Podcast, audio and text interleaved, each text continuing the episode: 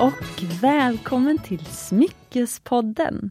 Det här är podden där vi pratar om äkta smycken och ädelstenar på ett enkelt sätt och bryter normer som präglat en annars ganska strikt bransch. Och varmt välkommen säger jag till dagens gäst, Sara Berglund från Stockholms auktionsverk, men hör och häpna i Göteborg.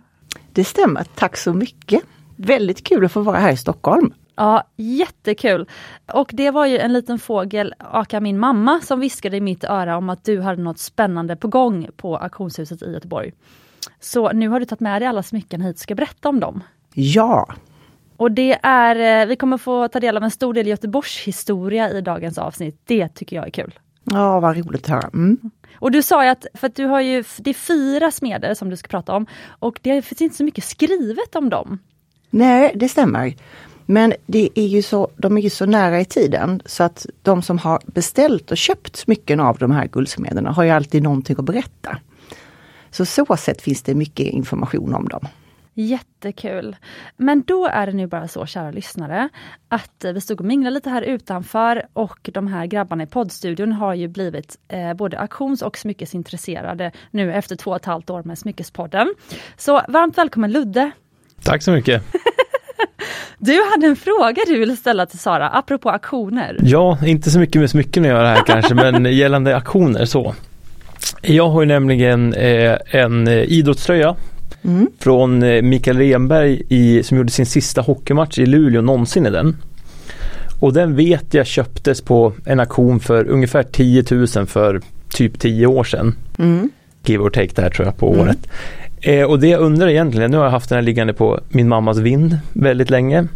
Och men har börjat fundera på, är den värd någonting? Och då undrar jag väl dels lite grann hur man kan gå tillväga för att få en värdering på den.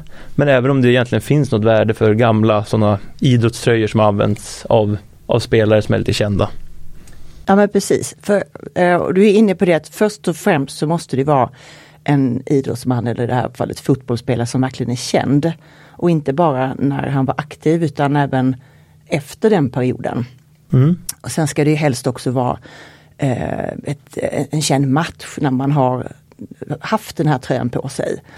Eh, eller som till exempel Zlatans eh, skor när han spelade den här bicykleta, när han gjorde det här bicicletas. Ja, det, jag är ja. inte så bra på fotboll då, jag är bättre på smycken. Ja. Men bicicletas har jag koll på. Och det säger ju en hel del att man kan relatera till det här bicicletas, de här skorna. Och då, då blir det ju ett väldigt högt liksom det kan bli ett väldigt högt pris på en auktion.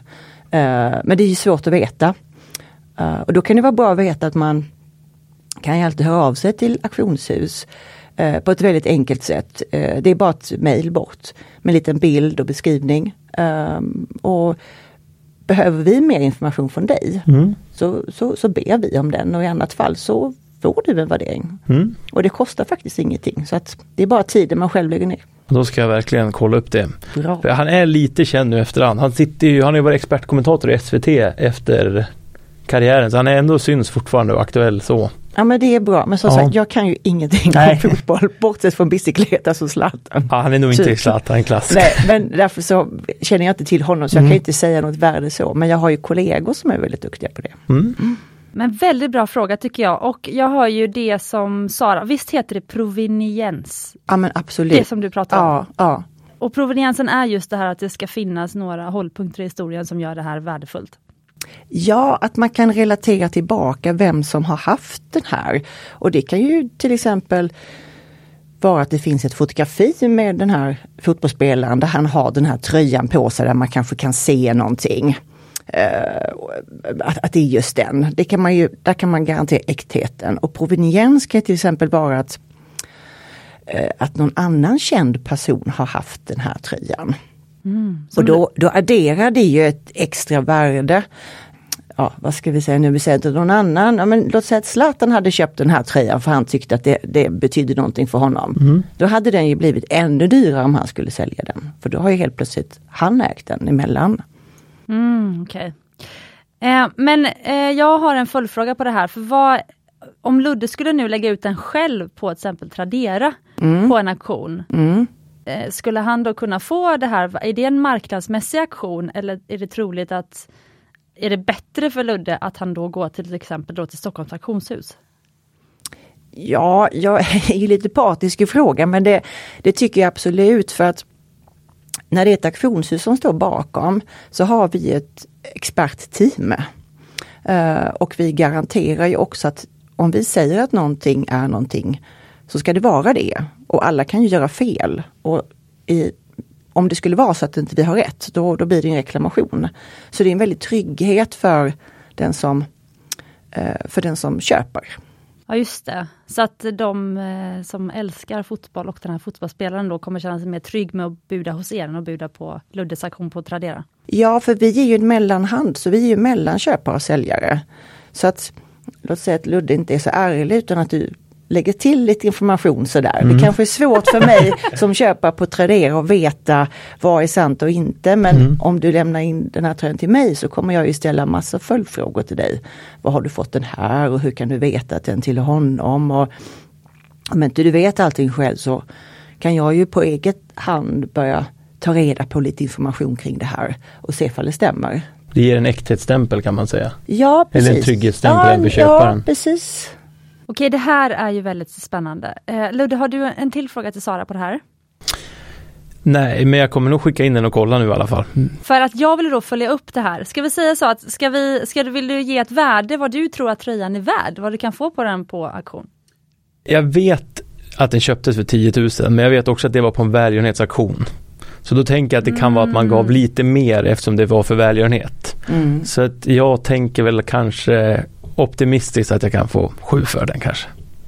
Okej, det var ett, eh, nu är det här, ni har ju mycket finanspoddar här, så det var en bear. Om man tänker bull och bear. Ja, det, det var lite neråt. Jag tror inte på att den har gått upp i värde med tiden. Nej, jag tycker du var lite ödmjuk här. Jag gissar att du får 10 000 för den. Vad gissar Sara? Är du jag känner ju inte igen, jag känner inte Nej. till den här fotbollsspelaren men jag skulle nog säga mindre än 7000. Mm. Om inte, men jag kan ju inte hans, hur pass känd han är. Mm. Men jag tänker att en välgörenhetsaktion så kan det vara så att man kanske tänker att jag vill väldigt gärna stödja eh, ja, cancersjuka ja. barn ja. eller vad det nu pengarna går till. Och då känner man att ja, men det är det är dit jag vill skicka pengarna. Jag struntar egentligen i tröjan. Det kan ju vara en budgivare. Mm. Och sen finns det en annan som känner att jag ska absolut ta den här tröjan. Jag struntar i de här barnen. Och då, det är då det blir slut, bra slutpriser när det är flera som fightas om samma sak. Mm. Och när man då eh, på en kommande aktion inte har med en av de aktörerna så blir priset annorlunda. Då ska jag be mamma gå upp på vinden när jag har den i en kista. Ja. så får hon skicka, en bild, skicka lite bilder så jag kan skicka in det och kolla en värdering. Ja, det här måste ju vi Smyckespodd-lyssnare få hänga med på Ludde. Tack, stort tack för att du ville vara med här på andra sidan, eller det andra inspelningsrummet. Stort tack för att jag fick vara med. det ska bli kul att få uppföljningen. För. ja, du får mejla mig så ska jag hjälpa dig. Ja, mm. absolut. Mm. Ludde har ju då lyssnat på alla avsnitt av Smyckespodden som spelats in, nästan. Så att eh, han ja. kan nästan lika mycket som er lyssnare om smycken. Men det vill jag inte ha några följdfrågor på här idag. ja, men stort tack, det var kul att vara med. ja, tack så mycket. Det är ingen fara. Okej, Sara. Då går vi vidare. Det här var ju roligt. Kul att du tycker det. Ja. Bra. Och Elena som jobbar på, eh, hon har jobbat på Pantbanken eh, nere i tunnelbanan vid Slussen. Hon sa att de en gång fick in en badanka som eh, någon ville att de skulle värdera. Men den hade ju ingen sån vad det nu kallas för proveniens. Jag vet inte om jag använde ordet rätt. Men den hade jo, ju, proveniens. Ja, ja, men vad bra, den hade mm. ingen sån här fin bakgrund. Eller betydelsefull bakgrund. Så eh, den kunde de inte säljas på auktion. Nej, då kan det bli svårt. Mm. Mm. Men du har tidigare varit på Bukowskis. Tänkte att vi ändå kan prata lite grann om din bakgrund, för du har ju precis bytt jobb vet jag. Ja precis, det ja, stämmer. Ja. Du har varit på Bukowskis tidigare. Ja. Berätta om, eh, berätta om din bakgrund lite kort. Ja men i likhet med dig då, med tanke på att jag känner din mamma, så, så läste jag också till ekonom eh, och kom på att det var ganska tråkigt. Man säga så, men det är väldigt användbart. Så att jag började snegla mot an antikviteter och eh, läste konstvetenskap och tyckte det var helt fantastiskt. Ja, du blev eh, kär? Ja. Och sen så började jag jobba extra på Auktionskompaniet hette det på den tiden. Och på den vägen kom jag i kontakt med Sandra Browns som var ansvarig för smyckesavdelningen på Bukowskis. Mm. Ja. och Sandra är ju helt fantastisk. Och hon har ju så mycket kunskap. Och jag bara kände, nej men i hela den här paletten av, av, av konstvetenskap så är det ju det här man ska liksom hänge sig åt. Mm. Uh, så på den vägen var det. Uh, men har ja. du alltid varit smyckesintresserad? Ja, det har jag. Uh, ja, det kanske alla tjejer har de här minnena när man öppnar liksom här smyckeskrinen hos farmor och mormor och, uh, hos sin mamma. Liksom. Det är ju något speciellt. Det måste du också tycka, eller hur? Jo, men jag får ju bilder nu, nu glittrar dina ögon. Ja. Alltså jag får ju bilder av, eh, alltså i närtid nu, min dotter Bonnie är ju ett och ett halvt år. Men alltså hon har ju alltid älskat att pilla på i mitt smyckeskrin. Ja. Alltså, men sen förstår jag, för det är starka färger, det glittrar, alltså det är ju något som barn gillar så. Eh, men jag tänker att det kanske är barnet i oss som aldrig slutar älska smycken. Nej precis, och sen är det ju jag har tänkt mycket på det för att det där är ju faktiskt min arbetsvardag, att jag får öppna de här smyckeskrina som ja. kunderna kommer in med. Och det är ju ja, det är, det är lika spännande varje gång. Ja. Um, och det finns liksom allt från sånt som är eh, helt ovärderligt trasigt och sådär till magiska grejer. Mm. Men det är ju så mycket design i en sån liten storlek. Ja. Och jag kan tänka att ibland är det som tilltalar oss. Att eh, ja, men Man kan gå runt och man kan se storslagna eh, byggnader och, och, och möbler och, och, eh, stora målningar. Men här har vi det här lilla och det, man kan liksom sitta lite för sig själv och plocka upp en och en och titta på färgerna, på formgivningen. Ja. Faktiskt väldigt fin beskrivning. Det är stor design i liten storlek och så kan du ju lyfta upp det. Alltså också, och du kan, ja, taktilt, du kan ta ja, på precis. det. Ja. Och även målning. Där har man lärt sig att det är det första man lär sig när man går liksom på konstutställning när man är liten. Du ska se målningarna från långt håll. Ja, Då precis. är de som finast. Och du får absolut inte röra på dem. Nej, Nej. precis, du blir utslängd. Ja. precis. Ja, och ja, ja, exakt så. Um, nej, men det är ju därför nu, jag gillar ju Kaplans här i Stockholm, alltså att uh, kolla i skyltfönstret där. Jag tycker ju, ja. Om det finns något skyltfönster i Stockholm jag tycker är roligt så är det Kaplans där på Biblioteksgatan. Och uh, även där kommer man faktiskt rätt nära smyckena. Så man, man behöver inte alltid ta på dem inser jag. Nej, nej, absolut inte. För det är också ganska få förunnat att det är inte många som är som min poddkollega Hanna som eh, klampar in då med stora självsäkra steg i alla möjliga smyckesbutiker, eh, dyra som billiga, och liksom så här, provar allt. De flesta vågar ju kanske inte det. Så även, och inte, jag vågar inte riktigt heller det. Även om man hade kanske velat vara lite mer som Hanna då. Men det är ju få förunnat att då vara som dig. För du får ju faktiskt då röra allt. Alltså de här, ja, ja. Eh, för i skyltfönstren liksom, även när jag njuter fast att jag inte får röra det då. Men jag tänker, ditt jobb är ju helt magiskt med det. Ja, men det är det. Men sen vill jag även slå ett slag för det här att vi måste liksom, alltså det är när man tar på smyckena och när man provar dem som man lär sig sin smak och man lär sig vad som, vad som är passar en. Och mm. Jag blir fortfarande förvånad och tänker va? Jag trodde det skulle vara jättesnyggt på mig så är det inte alls. Och tvärtom liksom sånt som ser helt så här ganska tråkigt ut och så provar man det så bara wow. Så att Det är väl lite det. När jag började på Bukowskis eh, och jobbade med smyckena där så skickade vi upp allting för jag tror det var en summa på 10 000 skulle skickas upp till Stockholm. Och jag tyckte det var så tråkigt att vi göteborgare då inte fick ha smycken hos oss. För att precis som du säger, du går förbi Kaplans, du, du kanske går förbi flera gånger mm. och så, mm. så till sist så tänker man så ah men den ringen är inte så dum ändå. Nej. Och då kanske du till och med känner att nej men nu vill jag prova den. Och jag tycker det är viktigt att vi får prova. Uh, så det har jag brunnit för att, att eh, mm. uh, liksom, hitta en bas i Göteborg där vi göteborgare kan uh, hitta ett bra utbud på de andrahandsmarknaden eller pre-loved smycken som, eh, som det här är då. Jättefint! Så var, vad är dina bästa Göteborgstips för att titta på second hand-smycken? Uh, ja det är ju då hos mig, ja. om jag då får vara så skrytsam. Ja, absolut, uh, podden är din ja, idag. Tack, ja. Och sen finns det ju uh, Fåfängans antik i Haga. Och de har eh, högt och, och brett och, och lågt och lite bijouterigrejer. Vi har ju en gräns på 1000 kronor. Så det är mycket roliga grejer som faller bort. Men där kan man hitta så lite roliga grejer för en spottstyver.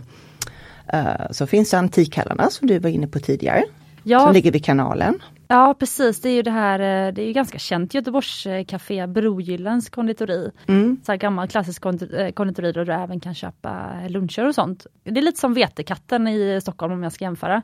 Eh, Men i samma hus, i samma byggnad där runt domkyrkan så finns ju Antikhallarna. Mm. Där har jag varit, där har de ju allt möjligt. Ja, och Börjessons guld är väldigt uppskattat i Göteborg också. Ja det är den högst upp på Avenyn. Nej, den Nej. ligger på Hamngatan. Den Ah, ligger på samma okej. gata som Antikhallarna fast längre in mot Vasastan. Ah, okej. Ganska nära Ströms och Ah, domkyrkan. okej. Mm. Ja. Eh, och sen så Stockholms auktions, nu ska jag se så jag inte säger fel, Stockholms auktionshus. Eller, Verk, ja, verk. Stockholms auktionsverk. Då sa jag nog fel tidigare.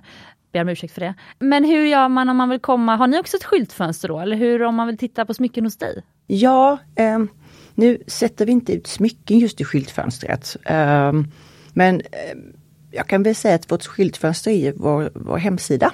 Ah, Eh, och det tycker jag är så, eh, alltså, när jag började jobba i branschen så hade vi inte internet på samma sätt som idag. nej. Eh, så då, då lanserades ju liksom allt det som skulle säljas dagen innan eh, visningen typ. Eh, nu tycker jag det är så bra att man oavsett auktionshus eller fall i Kaplan så kan man ju hemma se vad finns i utbudet just idag. Och är det något som är av intresse kan man ju, är man ju så välkommen att komma dit och prova. Mm. Så att vi har kunder som kommer förbi bara för att sätta sig ner en stund och ja, prova lite ringar. Och, Och veta vad man ska buda på. Ja, och då kan man ju ibland få en liten sån här förhandsvisning på det som inte riktigt har kommit ut i försäljning ännu. Oh. Om man har tur, ja. Mm. Gud vad mycket, det blir så mycket Göteborgssmaskigt i den här podden. Mm. Eh, men jag känner också att vi måste, för jag har ju tittat lite grann på vad du har på dig för smycken nu, du själv. Ja, ja. Är du blyg för att prata om dina smycken eller kan vi prata Nej, om... du får, ja, ja. Jättekul, för att det som innan vi går vidare, nu har ju då det som kommer hända i avsnittet är att efter introt då kommer Sara berätta om de här smyckena som ligger framför henne som kommer komma ut på en temaaktion i eh, någonstans november-december. Men det blir efter att det här avsnittet har släppts förstås. Så tanken är att det här avsnittet ska släppas ett par veckor innan. Mm. Så att det är färskt när ni lyssnar på det och så att ni sen kan buda på det och, och gå in på hemsidan och kolla då gissar jag på smyckena Precis, som vi ja, pratar om mm, nu. Då. Mm. Och häng även med såklart på Smyckespoddens Instagram. Sen är det så att det här kommer också bli som en liten så här historieresa i Göteborgs smyckesvärld och det är fyra smeder där det finns eh, väldigt mycket att berätta. Eh, så att det är väldigt roligt. Det kommer vi prata om efter introt. Men nu i introt så vill jag bara prata om dina smycken Sara. För att Sara har på sig inte bara ett tennisarmband, har jag spanat in här i alla fall, utan hon har även på sig vi pratade om smyckesfördomar för en tid sedan. Ett väldigt uppskattat avsnitt. Och det här armbandet som du har är något som man skulle kunna ha fördomar om. Eh, Tennisarmbandet. Nej, jag tänkte på Ja. Kyss Klo. Ah, mm. Det är lite otippat måste jag säga att du, auktionsexperten, har på dig det här. Samtidigt känner jag att det är så självklart att du har det. Men berätta, var kommer det ifrån och varför tycker du om det armbandet? Ja, men jag tycker det är så, så enkelt och så fint. Och jag vet att en del tycker att det är massproducerat och sådär. Men Måste filma här. ja, det får du jättegärna göra. Men då vill jag nog faktiskt slå ett litet slag för eh, Göteborgsskolan här också. Att man kan ju säga att ja men det är eh, så, men det är ju formgivningen som är så, jag tycker den är så genialisk. Du får Eh, berätta, de som inte vet, det är alltså Cartier. Just en klo, bara en spik. Mm. Och bara för det så har jag glömt vad han heter som har gjort det här. Men italienare som var verksam för eh, Cartier. Och han gjorde ju första Love Bracelet som var det här non-gender. Eh, vilket var jättestort på den tiden. Och eh, jag, jag vet att jag, på tal om att man ska prova smycken. Så jag har alltid sagt så här, åh, ja men när jag fyller 50, då, eh, eller det börjar nog vid 40.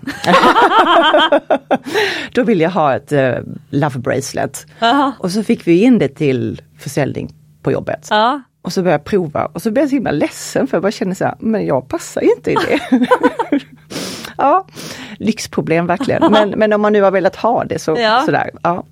Och sen så Ett började passionsproblem skulle man kunna kalla det. Ja, verkligen. Och sen så bara började jag titta på det här och så bara kände jag, nej men jag tycker det är så, Ja, då hade ni det också, Kyss Klo inne på jobbet också? ja fast vid senare tillfälle. Ah, okej. Ja. Och jag tycker det är så härligt och det är, det är designat precis, jag för mig precis i början på 70-talet, typ 71 och jag är född 72 så jag känner att vi är liksom Nej, men jag måste Ja, säga kompisar. det sitter så snyggt på dig. Men eh, när vi pratar lite fördomar och sådär, då, alltså jag och min poddkollega kollega Hanna då, som inte är rädd för att tycka och, och, och tänka och så vidare.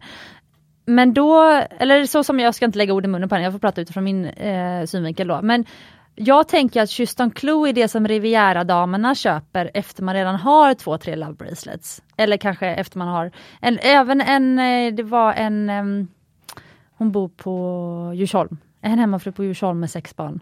Hon har ett love bracelet med små diamanter och sen har hon också en Kyss Clue.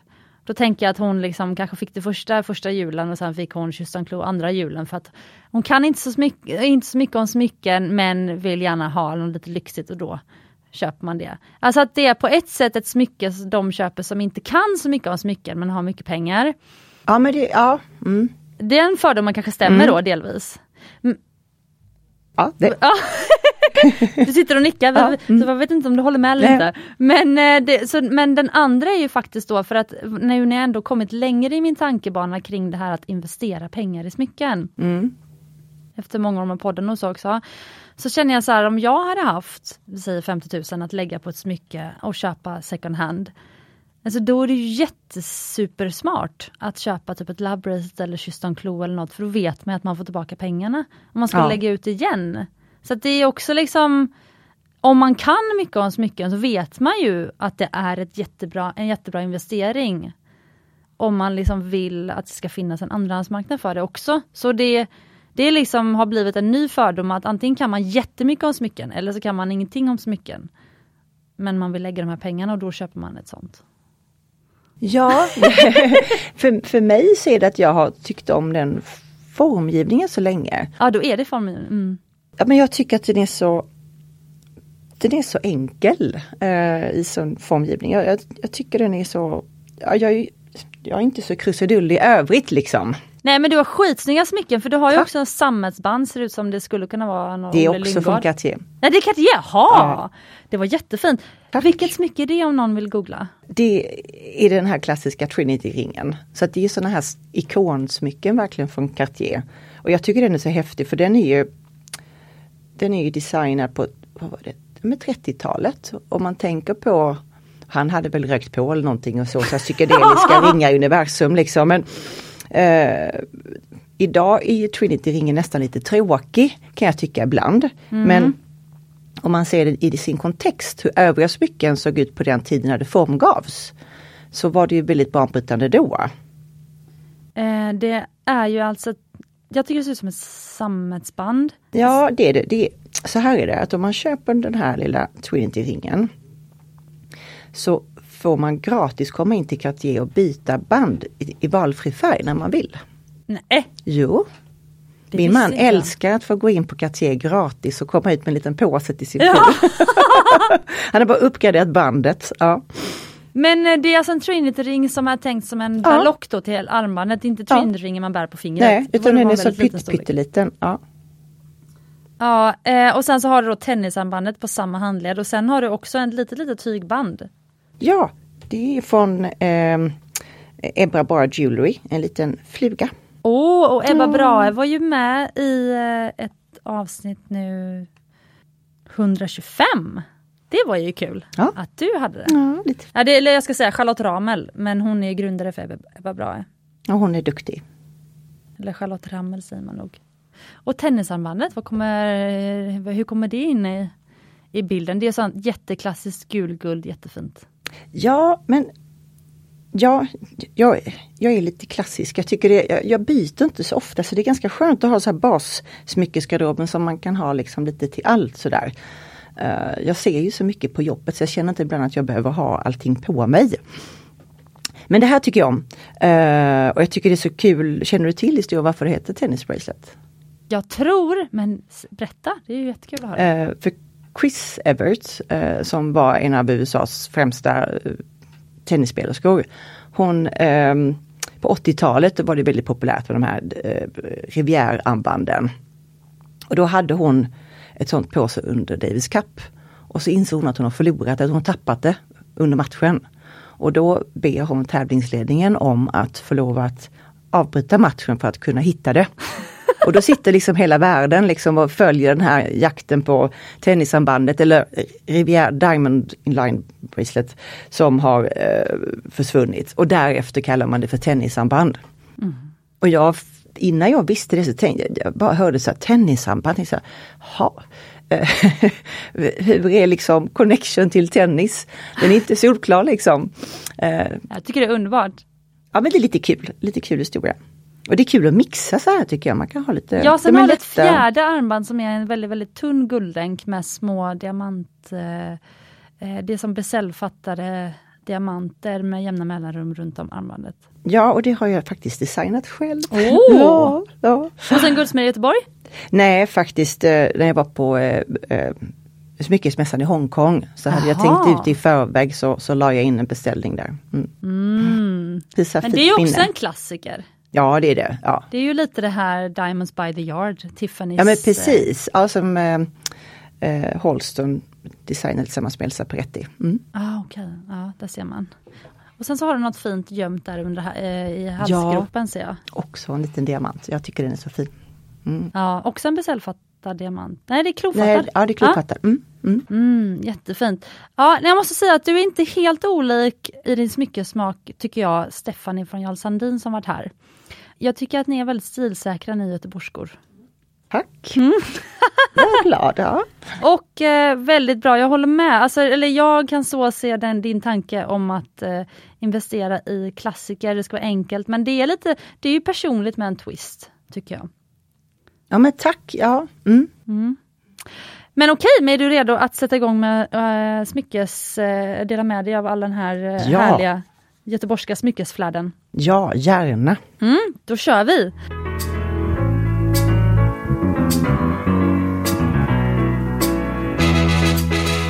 Ja, berätta. Vart börjar vi? Nu ska vi se, det här är ett smyckeskollektiv. Nej, det skulle jag inte vilja säga. Den är fyra formgivare. Och jag tänker så här, om vi ska gå tillbaks lite i tiden. Ja, jättebra. Du får vara historieberättaren här. Får jag det? Var det? Ja. ja.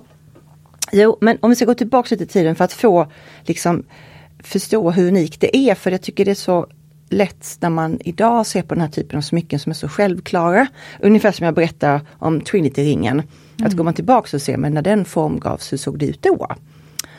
Uh, så kan vi ju se på svensk uh, smyckesdesign under 1700-talet så var det ju väldigt skapande smyckes och guldsmeder som var aktiva i Sverige. Och sen avskaffade man skråväsendet och man införde, införde fullmaktsstämpeln. Och nu mycket svåra ord här. Vad är skråväsendet? Att du var tvungen att utbilda dig för att kunna tillhöra ett skrå. Så att du, du var tvungen att vara utbildad för att vara guldsmed och du var tvungen att göra arbetsprov. Det var ju synd att det avskaffades. Ja. Eller? Ja. Så att vad, vad, vad som hände var, och, och den här fullmaktsstämpeln det innebar att du som eh, guldsmed kunde, eller juvelerare, kunde köpa in eh, smycken ifrån utlandet som hade tillverkats i maskin. Eh, och under 1800-talet kunde man ju göra det om man jämför med 1700-talet. Eh, och för att då få smycken att bli så billiga som möjligt så tryckte man ju ut guldet så att det var tunt, tunt, tunt. Och vad som hände var att de gick ju sönder hela tiden så de här guldsmederna blev egentligen hantverkare eller vad ska man säga handelsmän som lagade, som var väldigt duktiga på att laga de smyckena de hade sålt. Det är som bilmekaniker. Ja, precis.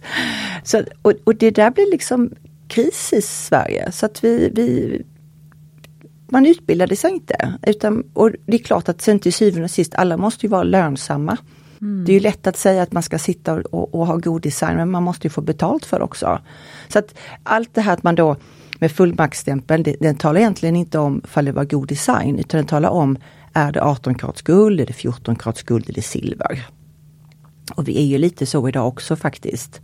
i Sverige. Vi, det ska gärna vara 18 karats guld, liksom. Vi, vi, eller hur? Ja, ja, ja absolut. Mm. Och till sist så, den som bröt det här, det var Vive Nilsson. Mm. Så att han och han ställde ut för första gången i Göteborg för hundra år sedan. Så häftigt. Han Mm. föddes då på 1800-talet.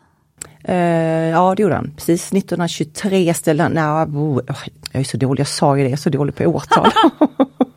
Ja, men, det är bra, lätt du är ärlig. Vi tar dina årtal med en nypa salt. Ja men precis, vi, Ja. vi, vi googlade. Jag vet i alla fall att 1923 ställde han ut i eh, Göteborg för första gången. Men då var det inte med smycken utan då var det med sådana här eh, bägare och skålar. Och när han, var han då? Han var ju son till en silversmed. Eh, och han hade, eh, vad heter det, utbildat sig i både eh, Tyskland och Köpenhamn och i, eh, vad heter det, Frankrike.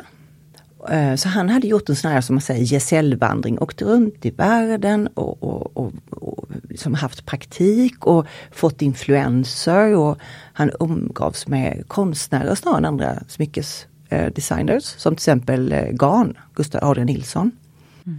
Eh, Och tittar man på Vivens eh, förtidsbägare och på en del av Gahns målningar så kan man verkligen se de här raka linjerna. Eh, och när han då ställde ut Göteborg för hundra år sedan med de här bägarna så, så de här klassiska plana ytorna, eh, eh, vad heter det, i hans bägare, det tyckte man var fruktansvärt. Eh, det, det, det var liksom, de man tyckte att han behandlade liksom silvret som plåt. Och, och enligt sägen så säger de att han bara ruskar på axlarna och sa att ja, ja men plåt är ju också metall. Liksom. Han, Ja. han brydde sig inte så mycket över det. Nej. Och sen började han göra smycken 1928. Eh, och de ställdes ut i Stockholm 1930. Det var de här olika världsutställningarna. Och det som eh, man såg då, det var ju liksom helt diametralt olika från de här sirliga, tunna guldbroscherna tillverkade i Tyskland som man satte en sån här importstämpel på, eh, 18 karats guld. Det var någonting helt annat. Eh, och det var inte heller så stående ovationer för det utan det var ju liksom en liten eh, kulturell klick företrädesvis från Lund där han var verksam som tyckte om det här. Och jag vet inte hur mycket vi ska prata om Vive Nilsson. Nej men eh, fortsätt, ja, jätteintressant. Vi har aldrig Ja. pratat om Vive Nilsson i podden. Så det är, jag tror många är nyfikna för att vi har nämnt hans namn flera gånger. Mm. Vi har aldrig pratat om hans historia. Okej, ja men då, då, då, då berättar vi lite mer. Ja, men vad han då gjorde var att han hade det här geometriska och han tittade mycket på arkitektur när han, när han ville formge sina smycken. Och han liksom ville ha eh, att om man hade en sten eh, så skulle den liksom harmoniera med metallen.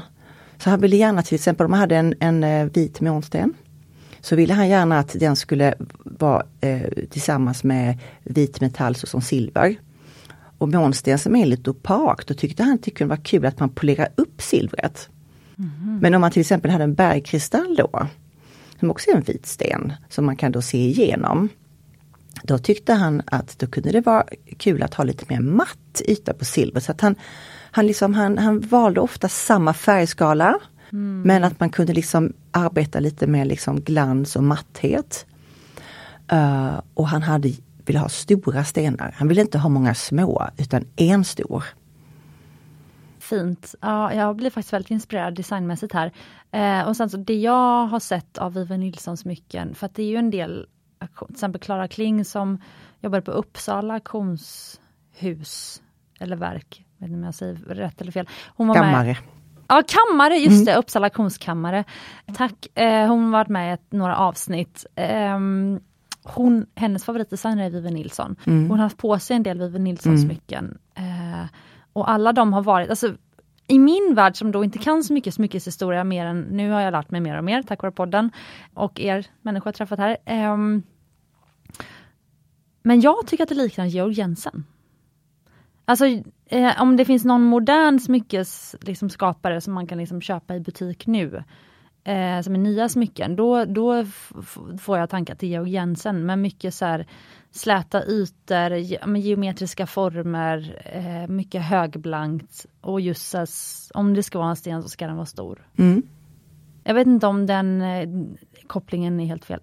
Det tycker jag absolut inte. Utan det är väl, eh, och, och man kan ju se som till exempel, eh, jag menar Vive Nilsson med, med sitt nya sätt att smaka, skapa smycken. Han inspirerade ju eh, Sigurd Persson. Och någon som var oerhört inspirerad av både Sigurd Persson och Vive Nilsson, det var ju Viviana Thorun Bülow Hype. Och hon har ju varit väldigt verksam för Men gud. Jensen. det kan vara, ja precis, för nu kanske det var henne, eh, vi, vad hette hon, Torun Bülow huvud? Ja precis, det är så, här, så många namn som man bara känner, sa jag rätt nu? Ja. Viviana Thorun Bülow Hybe. Ja, det kan vara Ja, henne var. som är Klaras favoritdesigner. Det kan det vara. Men ja. de är också ganska lika va?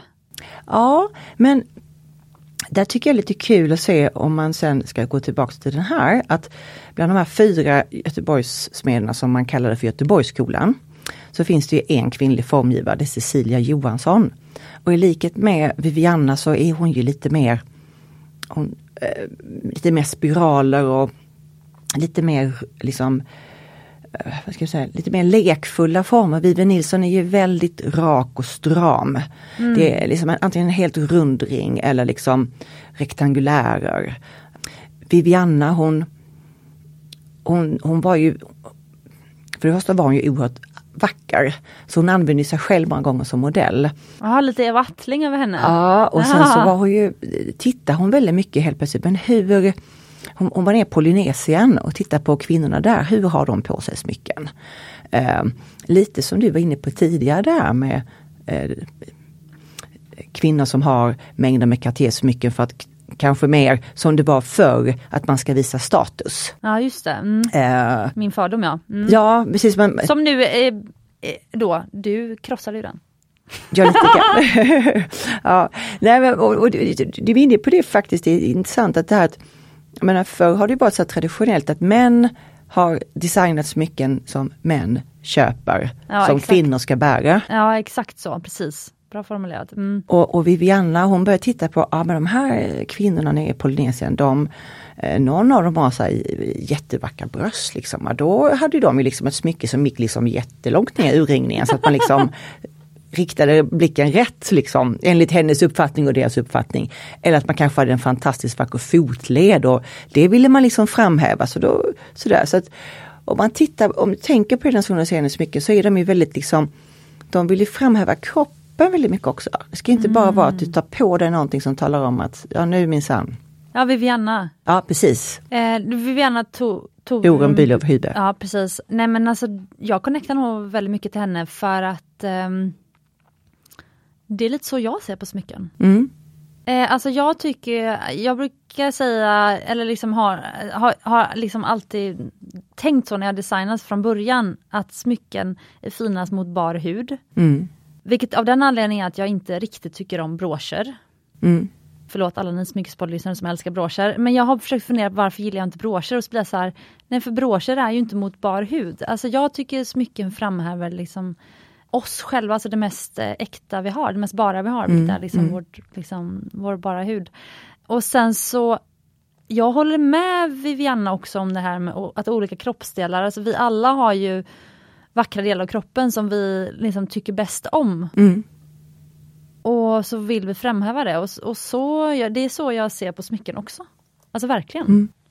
Mm. Hur ser du på smycken? Ja, jo men jag, ja, jag tycker Bra fråga. jo, men jag håller med och jag tycker att det är Jag gillar ju väldigt mycket diamanter. Jag är tokig i det. Och jag tycker det är så kul med diamanter för att det är sådär, det sprakar bara till ibland. Och det är liksom lite subtilt fast ändå liksom så får man så här liten aura. Ja, Det tycker jag är väldigt så. härligt. Och sen tycker jag om, som mitt armband, så tycker jag om formgivning som jag själv gillar. Ja. Att få ha liksom ett armband där man kan titta på varje dag och bara känna, gud vad jag gillar det. Ja, jag förstår det helt och hållet. Okej, men vad spännande. Eh, men vilket årtal pratar vi nu då? För eh, Vivianna och kom efter, hon blev inspirerad då av... Eh, eh, Både Sigurd Persson och Vivon Nilsson. Ja, Men, men, men bara för att ta två små passusar så ja, eh, 1949 så utlyste man en tävling i eh, Sverige för då insåg man att men nu är det kris liksom designmässigt för smycken. Och jag tror det var 11 silversmeder och 9 guldsmeder eller tvärtom som deltog. Och där ska sägas att Vive Nilsson inte ingick i den tävlingen och inte Åke Strömdahl. Men det var så dåliga liksom, bidrag så de kunde inte utse en vinnare. Åh herregud. Så att alltså det här arbetet som Vive Nilsson startade och som sen liksom gjorde att fler tog över var ju helt fantastiskt. Okej. Och de här silver, eh, alltså Göteborgsskolan, de utbildade sig på 40-50-talet och startade sin verkstad eh, Högbergs silversmedja på Aschebergsgatan i Göteborg. Mm, det var det jag ville kalla för ja, kollektiv. Precis. Men det var det inte då? Ja, nej jag tror inte de jag vet inte vad företagsformen var, det borde du och jag veta som ekonomer i grunden. Ja. Men, eh, nej men de, de startade här, sin, sin verkstad eh, benämns det som. Och de träffades, alla de här fyra träffades på utbildningen? Eller? Ja, alltså om man då, om man då ser tillbaks då liksom på, på 1900-talet där, där vi då har eh, eh, hand, alltså där man inte har en utbildning. Så fick de här, för att Vive Nilsson och Sigurd Persson, det var unikt och turen att de hade den utbildningen de hade. Så Men- de hade tagit mästarbrev i guldsmide? Ja, inte mästarbrev men likvärdigt liksom kan man Ja, säga. okej. mm. Det här, de här eh, fyra personerna, de utbildade sig. Eh, och bröderna Högberg kom från ett akademiskt hem. Så att de hade liksom inte det med sig, både Sigurd Persson och Vive Nilssons föräldrar var guldsmeder. Utan de, de fick liksom tigga praktik hos Borgila och Sigurd Persson just. Eh, och Anders, eh, som är äldst av de två, han utbildade sig eh, hos Erik Flemming i Stockholm. Och eh, Sven-Erik lillebror och Karl-Ingmar Johansson, de pluggade på slöjdföreningen heter det, slöjdföreningen, i Göteborg under Tore Eld som var eh, en väldigt känd eh, silverformgivare som har gjort jättemycket fina eh, föremål. Mm. Och där pluggade även eh, Cecilia Johansson hos honom, Tore Eld. För nu var det mycket namn här, Mm. men de fyra vi ska hålla reda på nu som auktionen kommer handla om, Ja. det är Sven-Erik Högberg, Ja. Cecilia Johansson, Mm. Anders Högberg. Mm. Är det brorsa? Ja. Ja. Anders och Sven-Erik är bröder och Cecilia och Karl-Ingmar Johansson eh, var gifta men inte under hela deras verksamma period. Tog det slut eller blev de ihop? Efter... Eh, De blev ihop och sen tog det slut. Ja, okej. Så att de fyra är då något som sen, de, höll- de, de var verksamma fram till, de, Dog alltså så på 90-talet och Cecilia dog, det var inte länge sedan hon dog. Men så typ 97-98 någonstans dog eh, de här männen. Mm. Och du eh, berättade att, eh, för att när du är ute och föreläser och eh, är ute på olika tillställningar och, och eh, träffar, även kanske på jobbet, Mm, eh, men mm. när du träffar Ja absolut. göteborgare som kommer in med sina smyckesamlingar och vill ha dem värderade, att alla har en historia att berätta kring de här människorna. Ja men oftast. Det är ju de här Enligt, enligt Sven-Eriks dotter Malin så, så kunde hennes pappa ibland sucka över att men gud ska alla komma in och sitta här och prata så länge? De måste köpa lite också. Men uppenbarligen så var de ju oerhört charmiga de här bröderna. Så att, så att eh, göteborgarna gillade att komma dit och, och få sig en pratstund och, och prata smycken och få beställa. Och sen är det fantastiskt för att det är så nära i tiden. Så att vissa av de här smyckeskriven som jag öppnar så kan jag tänka mig att många tänker att silver är inte så värdefullt. Men så när man tar fram de här smyckena då säger man oj, här har du ju jättefint armband från eh, bröderna Högberg. Ja, då, då kommer det ofta så här, ja men, ja men det hade ju mamma nästan alltid på sig. Och så är det ett annat eh, syskon som säger, ja men, ja men det fick hon ju där och då och ja, pappa köpte det till henne. Och så, så kommer det fram liksom antingen den vägen eller att det är någon som, som berättar att de har varit på en eh, härlig resa och köpt en fin sten och så har de gått med det till, till eh, antingen Cecilia, Karl-Ingmar eller bröderna då och fått den infattad. Eh, Och alla har så fina man, man ser att det lyser i ögonen på dem, att de har fått beställa de här av den som har gjort det lite speciellt. Exakt. För finns det någon som tog över deras ateljé nu? Ja, Eh, bröderna Högbergs efterträdare som också finns på Aschebergsgatan. Det är, är de släkt med Högberg? Eller? Nej, nej. Eh, Marie och eh, mm, någonting. Mm. Mm. Jättetrevliga eh, tjejer som har den butiken. Tips. Mm. För vad är det de har gjort för eh, Göteborgs eh, smyckesvärld skulle du säga? Vad är det, liksom det, det viktigaste som de gjorde? De? Ja men de, de tog över stafettpinnen från Vive Nilsson. Och liksom, liksom det här goda hantverket Mm. eh, som inte då fanns, som var liksom utdött i större utsträckning i Göteborg.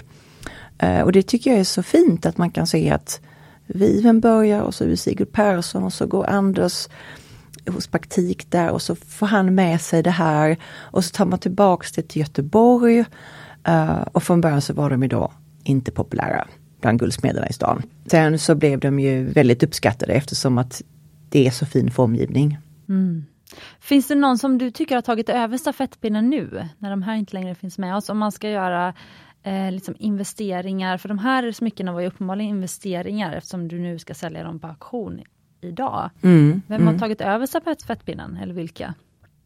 Ja men det är ju eh, bröderna Högbergs efterträdare fortsätter ju samma tradition. Ja okej. Ja, Du så ja. där kan man få beställa eh, dels sånt som de har utvecklat men man kan även beställa eh, från liksom, samma formgivning då. Fast då Ah, är det ju inte, då är det ju inte liksom gjort under deras levnad, alltså brödernas levnad. Nej men det är ju som ett eh, vanligt smyckesmärke höll jag på att säga. Ja, Eller alltså ja det är som som eh, tas över just så. un clou. Ja precis. Fast det är mer värt att det är bröderna som har gjort det för hand än att det är någon annan. Ja just det, det finns en Mm. proveniens. Ja men det här är ju handgjort av dem. Ja. Eh, Nu är det ju, om du beställer hos tjejerna så är det handgjort av tjejerna. Ja precis. Så det är skillnad. Men det är ändå deras formgivning. Men de här fyra, hur skulle du skilja på de fyra olikas formgivning? Mm. Eh, Anders Högberg, han utbildade sig vidare till guldsmed. Eh, så att om man ser något av de här smyckena som har dekor av guld, då, då kan man veta att det är Anders som har gjort det. Jag ser ett. Ja, som, eh, ska vi se, här till exempel. Min favoritring. Ja, visst är den fin? Ja den är så häftig. Ja. Den ser ut som en, eh, jag vet inte hur jag ska beskriva det, men det är som en tunn tunna guldtrådar. Som är liksom eh, nästan vävda Ja. i en rund oval ram som är gigantisk. Den tar upp hela fingret den här ringen. Jättevacker. Och det är lite kul för att eh, den som först var formgivande bland bröderna Högberg det var Sven-Erik med tunga guldkedjor. Eller silverkedjor, förlåt. Men ehm, sen så vid, utvecklade Anders Högberg dels att han var guldsmed, kunde använda guld som dekor. Men även, han gjorde även en liten vävstol. Så att han kunde göra de här trådarna. Så det är precis, du sa ju det själv, det ser vävt ut, det är det. Nej, Jo. gud vad häftigt. Att det är så häftig. Men jag blir lite konfunderad för att ja, nu är ju inte jag alls färdigutbildad guld eller silversmed. Men när jag höll på, Mm. då tyckte jag ju att det var lättare att jobba med guld än med silver. Mm. Så, men de hade liksom för stor stolthet, alltså var man silversmed så jobbar man inte med guld alls. Eller gillar de bara inte att jobba med guld? För Alltså det, här, ja, alltså det här med att man började jobba i silver det var ju för att kunna eh, vara eh, alltså tillgänglig, alltså att hamna i ett bra prisläge. Så, Ja, det så man, det. ja, så man kom ju bort från att det skulle vara guld. Liksom. Man struntar i guld, det spelar ingen roll egentligen vilket material det är. Tänk på Torun, eh, Viviana Bülow, hon, hon hittade ju liksom, det var allt från läder till liksom stenar hon hittade på stranden. Och smycke måste ju inte vara ädla metaller, det kan ju vara en formgivning, det kan vara plast som, som Sigurd Ja. Persson jobbar ibland. Det är väl det att nu, alltså jag vill ju lyfta smycken gjorda utav äkta material för att idag så tycker jag i marknadsföring, alltså och det här, eh, det här prishetsen på att allt ska vara så billigt Mm. och att folk har blivit bättre på att marknadsföra än att producera. Ja. Eh, det gör ju att jag tycker att det finns, oj nu klingar jag med tiaran här. Det gör ju att det finns ett ännu större behov av att prata om och separera äkta smycken från oäkta. Absolut, det håller jag med om. Idag så tycker jag. Mm, mm. Eh, men absolut, alltså smycken. Men silver är ju också en beständig metall. Ja, så det är ja, inte exakt, det. det För jag förstår äkta. vad du menar, Mm. det här man går förbi, förbi de här butikerna som bara prånglar ut en massa grejer som går sönder efter eh, en gång du har använt det. Men, Ja. men det här är ju ändå en beständig metall.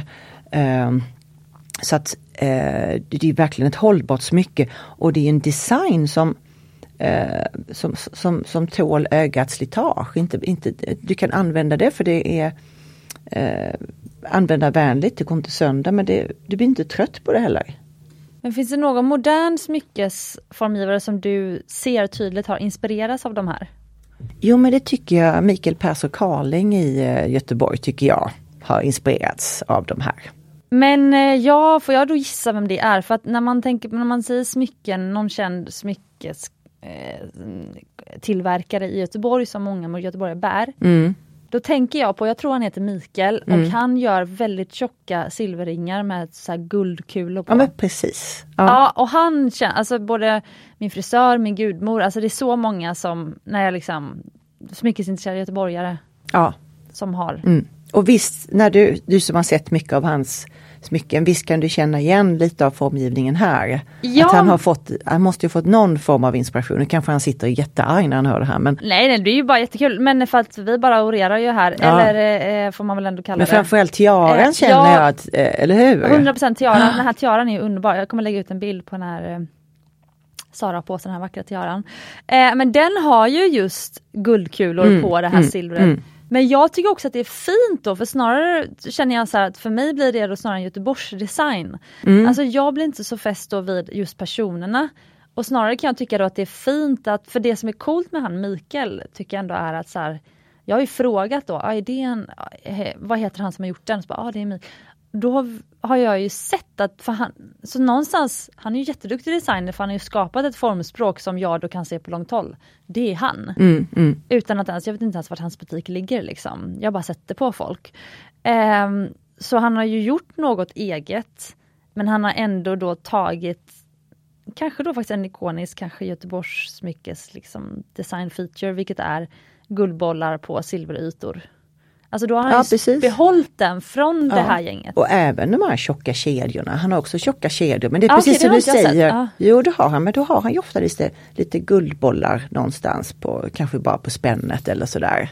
Så då har han vidareutvecklat det här, det är det som Ja. är så kul att skapar man någonting som är välgjort så inspirerar man ju andra till att fortsätta liksom att utveckla framöver. Exakt. Sen så ser jag ju om jag ska beskriva de här smyckena som ligger här framför oss. Då är det ju mycket, det är mycket tjocka silverlänkar.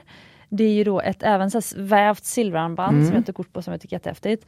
Sen är det ju mycket av de här stora, alltså nästan ringar som idag man ser, många av dem som är gjorda i typ Turkiet eller som man köper på liksom turkiska marknader med så här stora besällfattade, alltså sargfattade liksom, eh, runda stenar som, ursäkta, som tidigare kallades för halvädelstenar. Eh, men det är typ lapis lazuli och sen så det här vet jag inte vad det är för sten. Det är rubin och soicit. Ja, okej, aldrig hört. Och sen så är det den här gråa, vad är häftig, den som ligger... Eh, Den här, ja, det är olika agater. ja, det är agater, Ja, precis. med Så jättefina. Det är ju liksom mycket ganska så här enkla stenar fast som ser lite så här rått ut. Hur, hur beskriver du den här smyckesdesignen? Oj, ja men bra fråga. Mm. Det här är då lapis lazuli. Ja, jo men det är ju det här lite bulka. Ibland kan man kan jag tycka så lite så här, nästan kulturtant om man får lov att säga så. Ja, Eller hur? Alltså, Absolut. Det, det är lite det här kulturella, liksom. jag ser framför mig en person som är liksom väldigt stram med, sin, med, med liksom hur man väljer att klä sig. Ehm, att man har liksom mer statementsmycken som sticker ut. Men inte som du pratar om, om, om eh, kvinnan från Djursholm med sex barn. Utan nu, nu vill man visa någonting annat. Man vill visa liksom att jag, jag förespråkar eh, formgivning. ja, Eh, och en, ja, och en speciell, speciell designer som man är väldigt förtjust i liksom. exakt. Så det här är ett if you know you know smycke som vi brukar säga. Ja, Eh, men hon på hon finns på riktigt ska jag säga. ja, Eh, och jag var så fascinerad av henne. Ehm, men eh, jag träffade henne på en fest. Hon hade ju då på riktigt det här eh, Kyss Cly och ett Love Bracelet då, eller om hon hade två Love Bracelets, en Kyss Cly. Eh, Klo heter det. Men eh, det här, jag blir lite sugen på att buda på den här ringen. Det är alltså från Anders Högberg. Mm, precis. Silver med karbonslipad agat från 1968 står det på lappen här. Värdering 3000 kronor. Ja. Och det betyder att Säljer ni smycket under det eller börjar, eller börjar budgivningen på 3000? Eller vad? Eh, värderingen är ju där vi tror att någonstans runt det här priset kommer det säljas. Mhm. Och sen så kan man ju då som säljare ha något som vi kallar för reservationspris. Så att, för att annars så börjar auktionerna hos oss på 300 kronor. Och det är inte så kul om man har någonting som har ett ganska högt värde om det skulle säljas för 300 kronor. Eh, Så att då får man lov att sätta ett under ett visst belopp. Eh, oftast brukar det vara 80 av utropspriset. Så om inte budgivningen kommer dit upp så får du som säljare ta tillbaka ditt smycke. Ja, det, Eh, utan att det kostar någonting då. men man får sälja det också för det? Alltså Ja det är upp till dig. frivilligt. Vissa tycker så här, men gud jag, jag, jag vill absolut inte ha det här. Jag, det, det, det säljs för vad det säljs för. Medan andra ibland kan vara lite så här, ja men jag tycker ändå om det så att liksom är det under det här då kanske jag, ja, då behåller jag nog liksom. Så reservationspriset då kommer vara på 80% av 3000?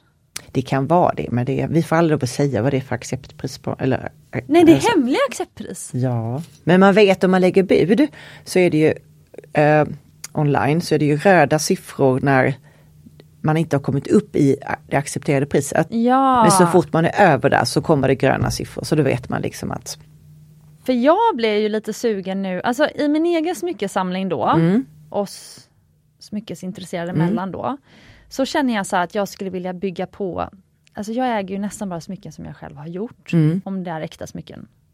Mm, Bijouteri kan vara vad som helst. Men det har ju också att göra med att jag vill ju bära jag bygger på min egen design utefter vad jag bär och får Mm. idéer utefter Mm. vad jag bär och så. Så att jag vill inte bära andras nytillverkade smycken. Nej men jag förstår det. Ja. Ja, du förstår. Men jag kan känna så här att jag skulle vilja lite som du vet, vissa samlar på konst. Mm. Jag skulle vilja liksom samla lite mer på sådana här smycken.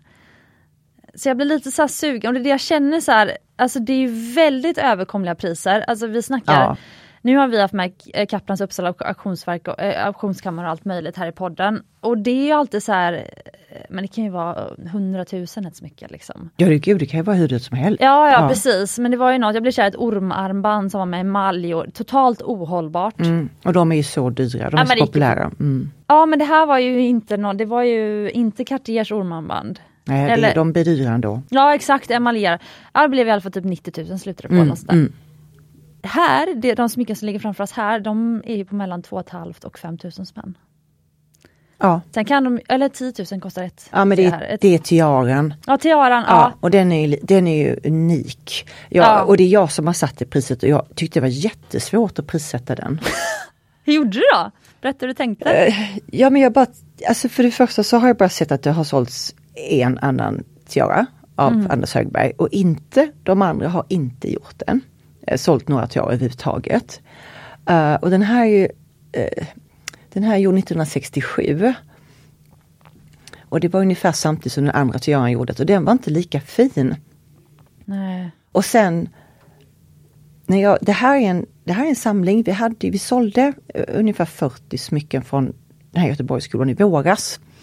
Och då fick vi, kom det in en, en person sen och sa jag har samlat smycken för de här formgivarna så länge och nu känner jag att nu är jag beredd att släppa den här så jag vill gärna sälja det hos dig Sara. Då blev jag så himla glad. Så smyckena kommer från en och samma person? Allt det här är Åh, en person som har samlat i decennier. Oj! Ja. Och Wow!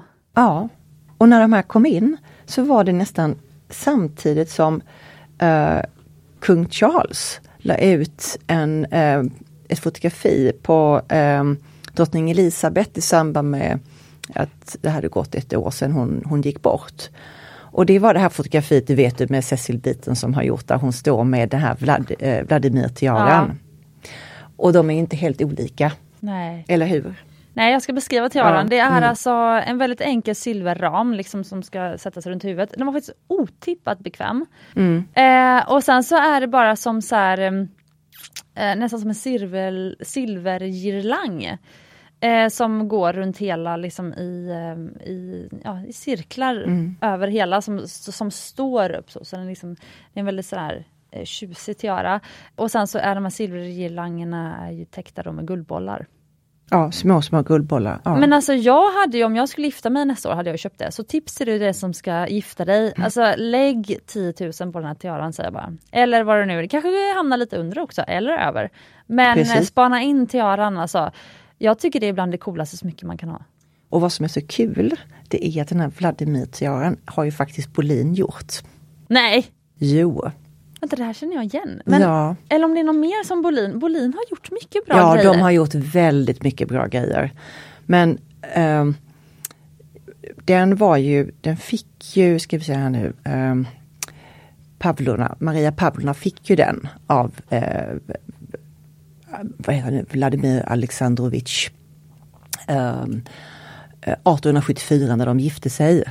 Och sen så kom ju ryska revolutionen och då var det ju en engelsk um, antikhandlare som hjälpte henne att smuggla ut alla hennes smycken ur landet. Uh, och då gick ju faktiskt turen via Stockholm, Aberdeen och sen till England där um, de anhöriga i uh, familjen bodde. Och sen så sålde, hon hade fem eller sex barn och de, sen sålde barnen smyckena för att, ja, för att liksom bekosta sitt uppehälle. Och då, då köpte ju Queen Mary eh, den tiaran, Vladimir-tiaran.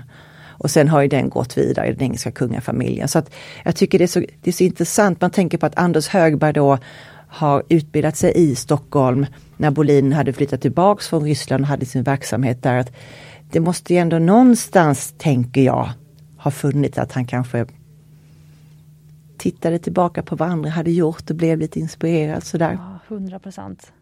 Gud vad spännande. Nu tar jag lite bilder här till Instagram, så häng med på Instagram kära poddlyssnare. Men jag måste bara, för att du pratade om, du pratade om Göteborgsskolan Mm. och så pratade du om Göteborgs, förlåt, Stockholmsskolan. Ja, Berätta om de här två begreppen. vad man då säger är att Göteborgsskolan då är lite mer chosefritt, lite mer enkelt, lite mer vardagsbetonat mot då eh, Sigrid Persson och Borgila och Claes Hierta och de här andra som, som var verksamma i Stockholm under samma period. Chosefria, men är inte det fortfarande definitionen på skillnaden mellan Stockholm och Göteborg? Jo, jo det är det faktiskt. Ja, ja. Men varför kallar du dem skola? Det, det, det har jag läst mig till så det är ingenting som jag själv har utan man, man, man benämner de här för Göteborgsskolan eh, kontra Stockholmsskolan. Gud vad kul! Ja. Och vi snackar alltså då 50, 60, 70-talet? 80-90. Ja det är 40 år. Ja, ja. Undrar vad som, alltså jag, mm, jag kan ju inte få fram, de här är mina favoriter. Vad tycker du Mm. om mina val? Väldigt bra val får jag säga. Och jag älskar ju dem också. Och han, alltså Anders pekar Högberg- på den vävda Ja ringen. precis och han har även gjort ringar. Det är ju det där lite med auktion, man vet ju aldrig vad man får in. Nej, Eh, men han har även gjort ringar där det bara är små guldbollar. Så det är en silverring som är så lite chunky som de här är. Och så är det bara sådana här guldbollar och de, de är jag helt vansinnigt förtjust i. gud vad fint. Mm. Alltså på ett sätt, för jag känner ju nu, jag blir lite inspirerad, jag vill också ta tillbaka lite av mitt göteborgska arv och väva in det i, liksom, i min smyckesdesign. Och så funderar jag nu på, jag gillar ju den här Mille Griff. Mm. Det är ju också små, små, små, små, små guldbollar Ja, faktiskt. ja. Mm. Men vad är din, eh, vad är, vilka är dina favoritsmycken här? Av de här, Mm. ja men absolut tiaran. Ja, Eh, och eh, vad jag tycker är så coolt med tiaror just, det är att man kan ju faktiskt göra så här. åh! Eller hur? Jag måste ta en bild, Mm. nu hade, satte du det som ett halsband. Ja, eller hur? Som en krage, Ja. Det, det, det är så effektfullt. det var kul. Visst är det fint? Ja, verkligen. Och då kan man ju bara sätta ett snöre här bak eller så här lite fint kanske sidensnöre som matchar till eh, det man har på sig. Jättefint.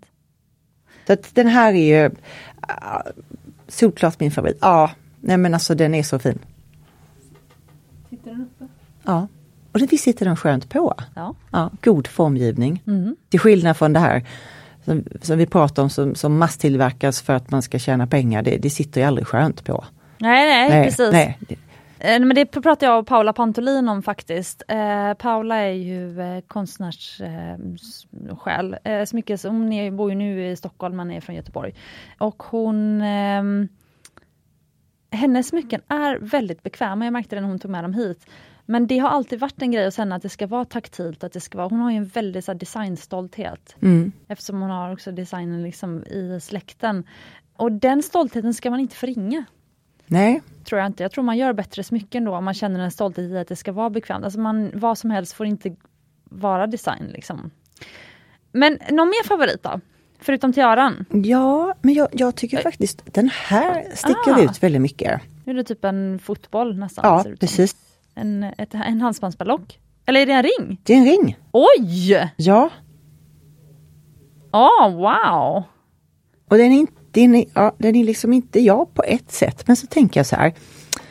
ah, jag hade nog velat ha den på det fingret. Men Vad ringfingret? Ja, men jag, jag, får, jag, jag tänker lite på Elsa Peretti när hon gjorde den här lilla vasen för Holstons eh, modevisningar. Där modellerna gick med den här lilla flaskan och så hängde hon små blommor i. Eh, de, de tycker jag är lite roliga, det är en Det här kul måste idé. jag go- googla. Ja, du får det googla. Ja. Ja.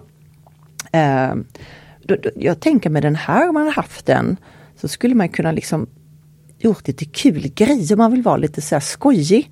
Man skulle kunna lägga in liksom kanske en liten så här grankvist på julen eller en så här. Ja men du vet, alltså man, kunde, man skulle kunna liksom lägga grejer i ringen och göra den lite kul. Ja, vänta, det får- blir som en liten display. Det var faktiskt en väldigt bra idé. Du ska alltså lägga, ja, ska du- lägga grejer i den här ringen, nu, nu dubbelsade jag det för jag skulle Ja. filma till Instagram. Men jag måste beskriva, ni som gör blombuketter. Det här ser alltså ut som när ni knycklar ihop ett eh, hönsnät för att lägga i botten på en vas. Och så ska man ju då trä i skälkarna Ja. där så att liksom, eh, skälkarna håller sig på sin plats i vasen. Mm. Man ser ju inte den här hönsnäsbollen i vasen då. Men typ så ser den här ringen ut. Så, så att den ser ut, men den är, är, så den ser ut lite som ett hopknycklat hönsnät eh, som en boll.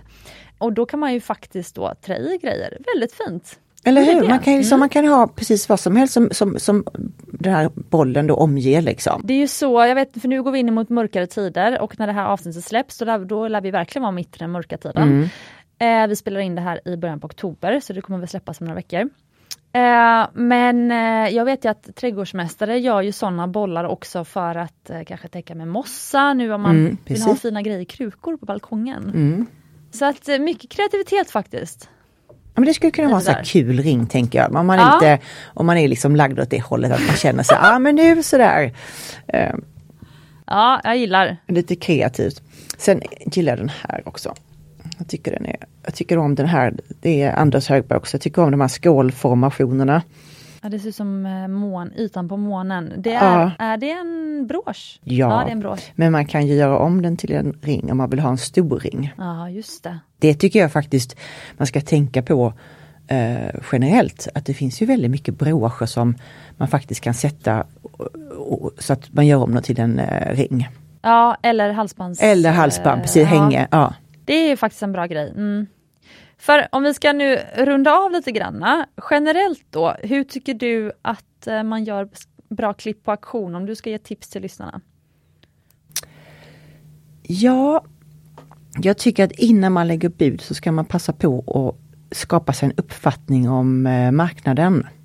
Mm. Det går ju jättelätt, eh, i alla fall på vår sajt, kan man gå in ganska så enkelt och se vad har liknande föremål sålts för tidigare. Det, går, det går så lätt idag tycker jag. Alltså, det var ju skillnad mot hur det var förr. Så se lite så här, vad har liknande föremål gått för? för? Och att man också, att man också liksom tittar, hur ofta kommer den här typen av föremål ut? Mm. Och sen så får man ju gå till sig själv eh, kan jag tycka. Och du och jag som är ekonomer i botten, eh, vi vet ju det här med eh, utgift och kostnad. Mm. Att, eh, det vill säga eh, utgiften är ju det man betalar när man köper. Och kostnaden är ju utslaget per gånger man använder någonting. Och det Ja, där är faktiskt, jag, jag tycker det är viktigt. Så att ett fynd för dig själv, det är ju någonting som tål ditt egna ögas slitage. Eh, som du känner att det här kommer jag använda jättemånga gånger så att man till sist, det kanske har kostat hur mycket som helst men till sist är du ner på 50 öre per gång du använder det. Och de här dyra eller billiga grejerna som man ofta springer förbi. Eller man bara tycker, ah, men det var billigt, det köper jag. De, eh, alltså kostnadsmässigt så, så är de oftast en det är lite jobbigt att tänka på, eller hur? Mm. Det kan bli ganska så dyrt. Mm. Så att, att bilda sig en uppfattning och det är ganska lätt gjort på auktionsmarknaden idag. Vad går liknande föremål för? Och har man svårt med det så är man alltid välkommen att höra av sig. Uh, den andra auktionsbranschen är villiga att svara på frågor. För vad ska man göra med den informationen då? Ja men det, det alltså det där med auktioner. Du har rätt i det, ibland vet man att man gör ett fynd och det är roligare att veta det från början. Så att säga att du till exempel vet att de här säljs alltid mellan 3 och 4 tusen. Och så får du det för 2000, då vet du ju att det här, det här ja, var ett det. jättebra ja, pris. Ja. ja, då är det lätt mm. att ta beslut. Ja. Skulle jag ångra mig så vet jag att jag kommer få tillbaka pengarna. Men den som inte har gått in eh, liksom, och tittat på priser. För en del verkar nästan tro att det alltid är bra pris på auktion. Och så är det ju inte riktigt. Ja, alltid lågt pris Ja precis, ja mm. bra. Så är det ju inte alltid utan ibland kan det till exempel vara sådär att ja, men låt säga att det är en familj som är väldigt eh, de är inte överens med varandra och nu vill alla fem döttrarna i familjen ha tiaran. Mm. Och då bestämmer man sig för att nej, vi lägger ut en till auktion för det är mest rättvist. Då vill ju inte du som inte ingår familjen vara med i den budgivningen för du vet ju inte om att de, för dem är det så stort affektionsvärde i den här tiaran. Så att om du skulle köpa den då blir det ett felaktigt pris. Ja, om inte det. de är med i budgivningen när du säljer den sen någon gång framöver. Ja du menar att eh, precis för då, då vet, för nu, jag har ju då två ringar som jag verkligen vill buda på. Jag sitter mm. här och funderar på, mm. kan jag fråga Sara om jag får köpa den här efter poddinspelningen. Eh. Det får du inte! jag, ja, jag har velat göra det själv många gånger också. Och det där är verkligen sådär, även vi som jobbar i branschen. Gud, jag får sån hjärtklappning ja. på reaktion och jag verkligen vill ha ja, någonting. Jag vet.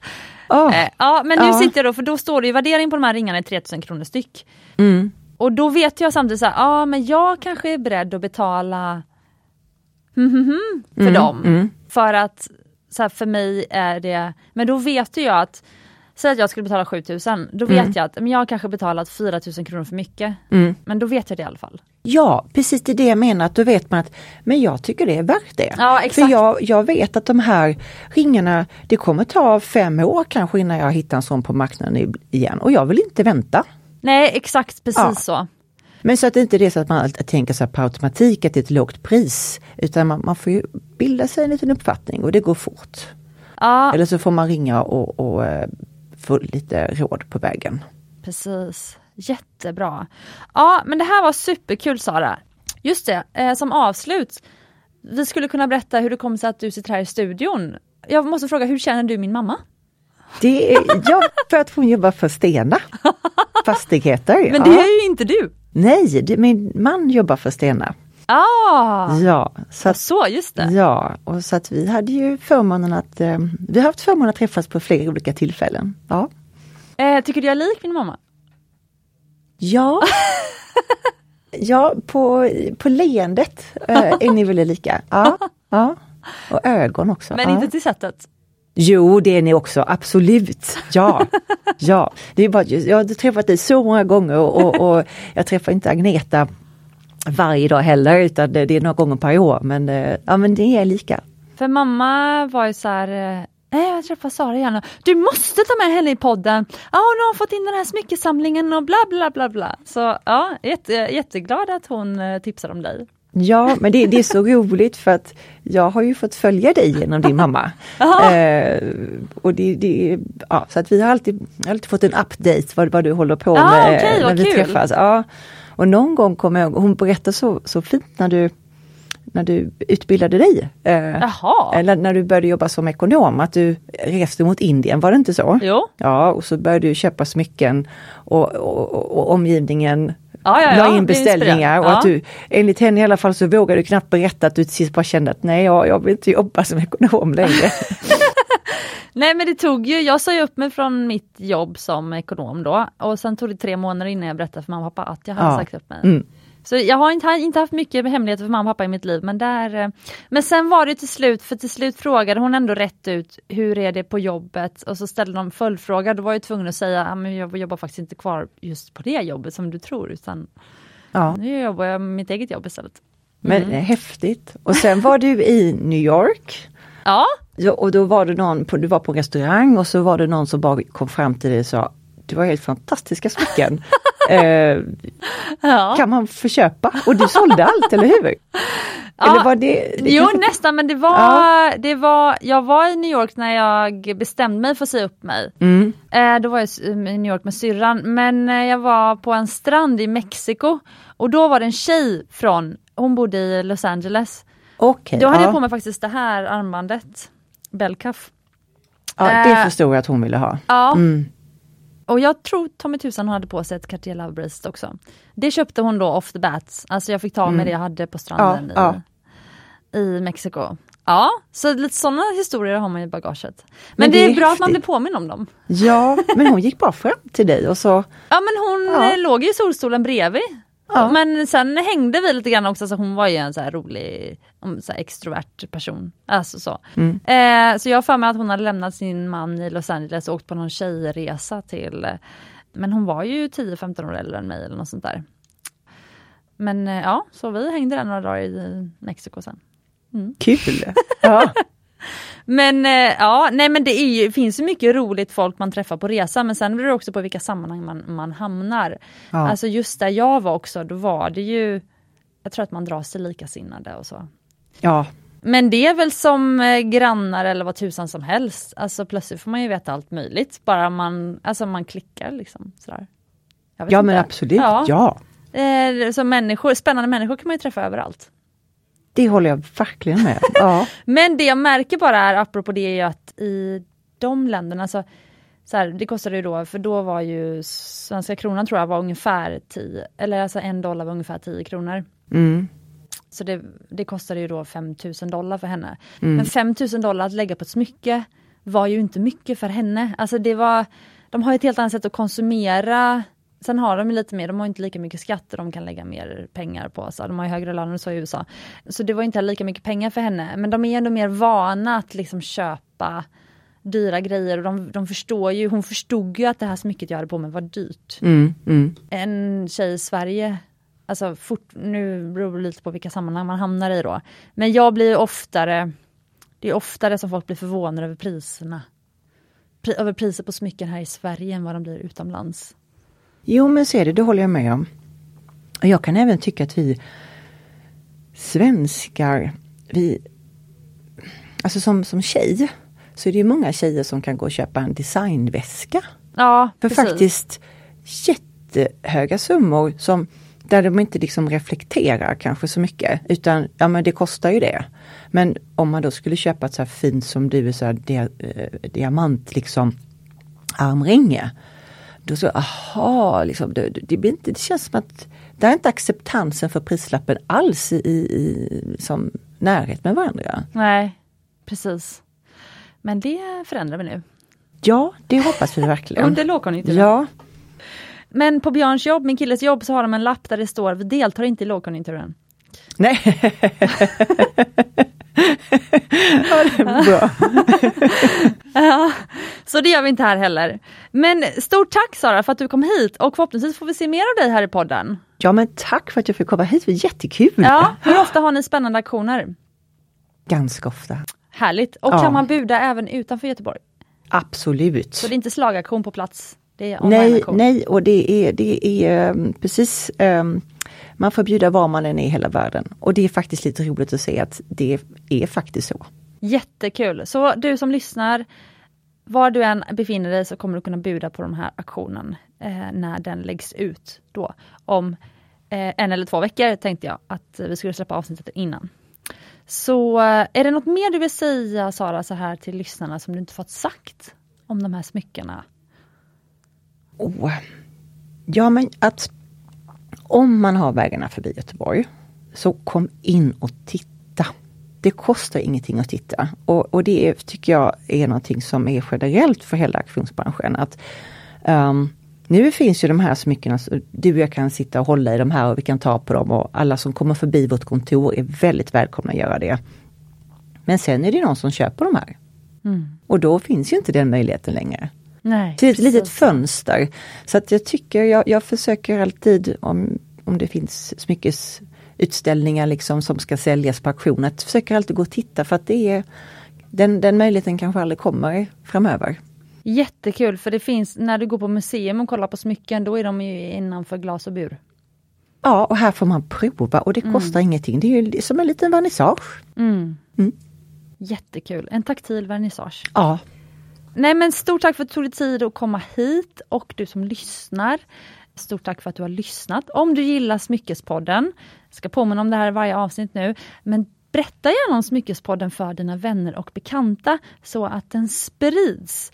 Eh, det är ju via er som podden faktiskt får leva vidare. Och eh, tack för alla recensioner som ni har gett, eh, stjärnor och kommentarer. Ni kanske har sett att ni även nu kan berätta vad ni tyckte om ett avsnitt åt gången i Spotify. En väldigt rolig grej i Spotify-appen faktiskt. Så där kan du hitta en fråga, vad tyckte du om det här avsnittet? Så kan du skriva lite där. Det är väldigt kul. Och även läsa vad andra har skrivit på vissa avsnitt. Och eh, med de orden, Sara, så tackar vi för oss. Tack snälla! Jättekul! Och eh, glöm inte att du är värd äkta smycken och ädla stenar. Och att buda på underbara smycken på auktion. Thank you.